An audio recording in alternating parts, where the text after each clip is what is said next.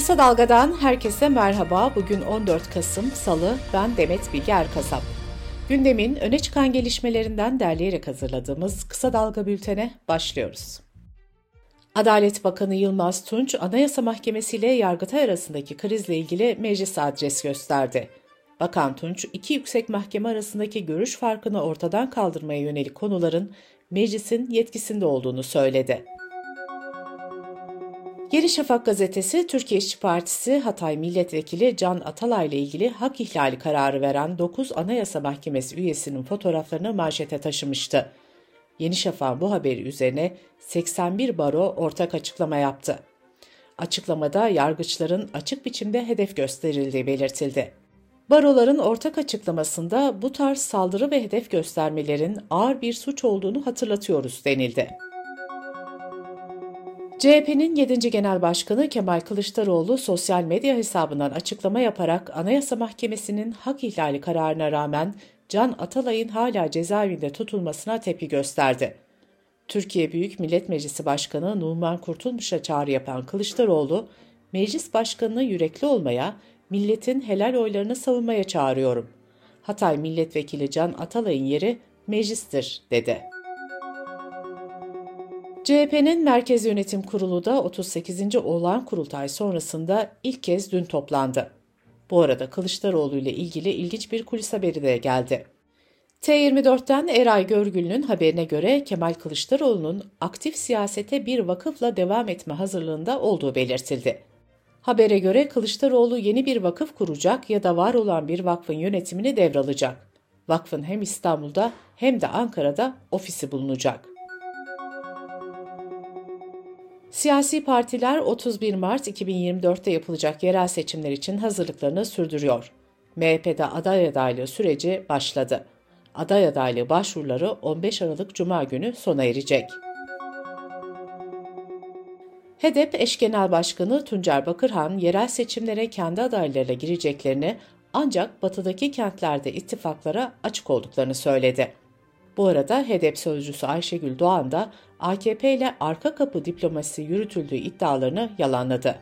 Gazete Duvar'dan Ceren Bayar'a konuşan Doğan, meşru ve yasal bir siyasi parti olarak ilkelerimiz çerçevesinde herkesle görüşebiliriz dedi.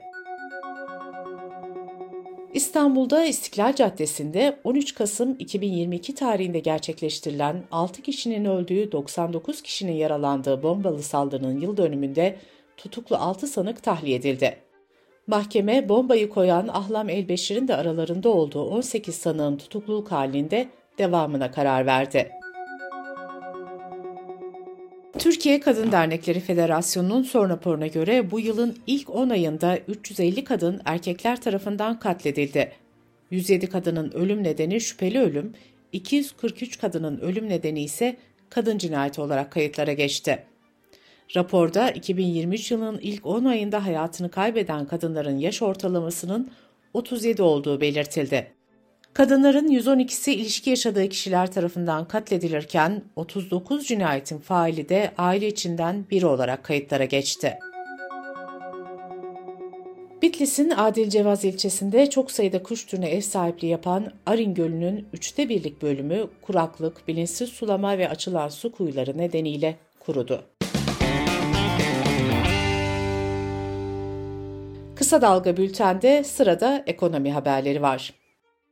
İşçi Sağlığı ve İş Güvenliği Meclisi'nin iş cinayeti raporuna göre Ekim ayında 150, yılın ilk 10 ayında da en az 1634 işçi iş cinayetlerinde yaşamını yitirdi. Rapora göre bu yıl en az 47 çocuk işçi de iş cinayetlerinde hayatını kaybetti. Rapora göre 10 yaşındaki mevsimlik tarım işçisi Mehmet Sıtkı Gültekin ezilerek, 17 yaşındaki gıda işçisi Ali Yahya Çetinbaş yüksekten düşerek ve 17 yaşındaki metal geri dönüşüm işçisi Birol Deveci ise üzerine nesne düşmesi sonucu yaşamını yitirdi. Ticaret Bakanı Ömer Bolat, fahiş fiyat artışı ve stokçuluk yapanlara bu yıl içinde uygulanan ceza miktarının 710 milyon liraya ulaştığını söyledi. Hazine ve Maliye Bakanı Mehmet Şimşek, yıllık cari dengede 2 ayda 7.3 milyar dolar iyileşme sağlandığını duyurdu. Bakan Şimşek bu iyileşmenin devamını beklediklerini söyledi. Devrimci İşçi Sendikaları Konfederasyonu gelirde adalet, vergide adalet talebiyle İstanbul'dan Ankara'ya yürüyüş başlattı. Yürüyüş 17 Kasım'da Ankara'da sona erecek.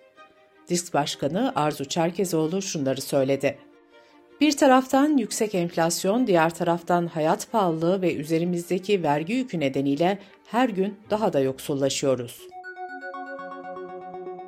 Akaryakıt haftaya indirimle başladı. Petrol fiyatlarının 8 dolar gerilemesinin ardından ilk indirim motorine geldi. Motorinin litre fiyatı İstanbul'da 35 lira 95 kuruş oldu. Dış politika ve dünyadan gelişmelerle bültenimize devam ediyoruz. İsrail ordusu Gazze'de hastanelere yönelik saldırılarına devam ediyor. Şifa Hastanesi yerleşkesinde yoğun bakım ünitesi, doğumhane ve ameliyathane binası vuruldu. Gazze şeridinde mobil iletişim ve internet kesildi. Doktorlar ameliyatları artık anestezi uygulamadan yapmak zorunda kaldığını belirtiyor. Elektrik kesintileri nedeniyle özel bakıma muhtaç bebeklerde küvezlerden çıkartılıyor. Elektrik kesintisinin yaşandığı Şifa Hastanesi'nin müdürü yoğun bakımdaki 6 prematüre bebekle 9 yaralının daha hayatını kaybettiğini duyurdu. Dünya Sağlık Örgütü Şifa Hastanesi'nde durumun çok vahim olduğunu belirtti. Sınır tanımayan doktorlar da hastanedeki personelle iletişimin kesildiğini duyurdu. İsrail'in 7 Ekim'den beri devam eden saldırılarında bugüne kadar 11 binden fazla Filistin'in öldürüldüğü, öldürülenlerden üçte ikisinin de kadın ve çocuk olduğu açıklanmıştı. Birleşmiş Milletler ve Avrupa Birliği çatışmalara derhal ara verilmesi çağrısı yaptı. Avrupa Birliği Dış İlişkiler ve Güvenlik Politikası Yüksek Temsilcisi Joseph Borrell'ın da İsrail ve Gazze şeridini ziyaret edeceği belirtildi. İsrail Dışişleri Bakanı Eli Cohen ise uluslararası desteğin kesilmesi halinde dahi saldırılara devam edeceklerini vurguladı. Filistin'e destek eylemlerine izin verdiği gerekçesiyle Londra polisini çifte standartla suçlayan İngiltere İçişleri Bakanı Suella Braverman görevinden alındı. Dışişleri Bakanı James Cleverly yeni İçişleri Bakanı oldu. Eski başbakanlardan David Cameron da Dışişleri Bakanlığı'na atandı.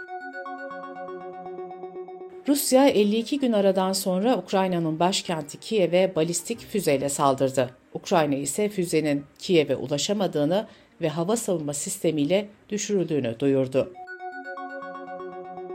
İzlanda'nın güneybatısında volkanik patlama olasılığının arttığına işaret eden bir dizi deprem meydana geldi.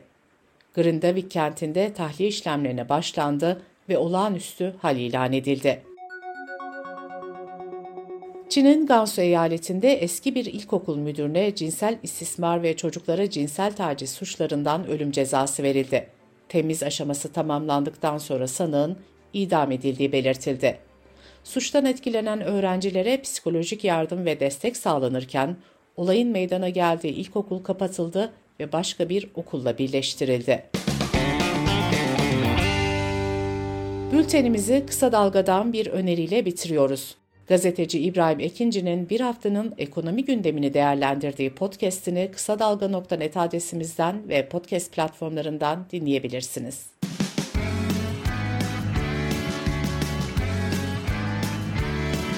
Kulağınız bizde olsun. Kısa Dalga Podcast.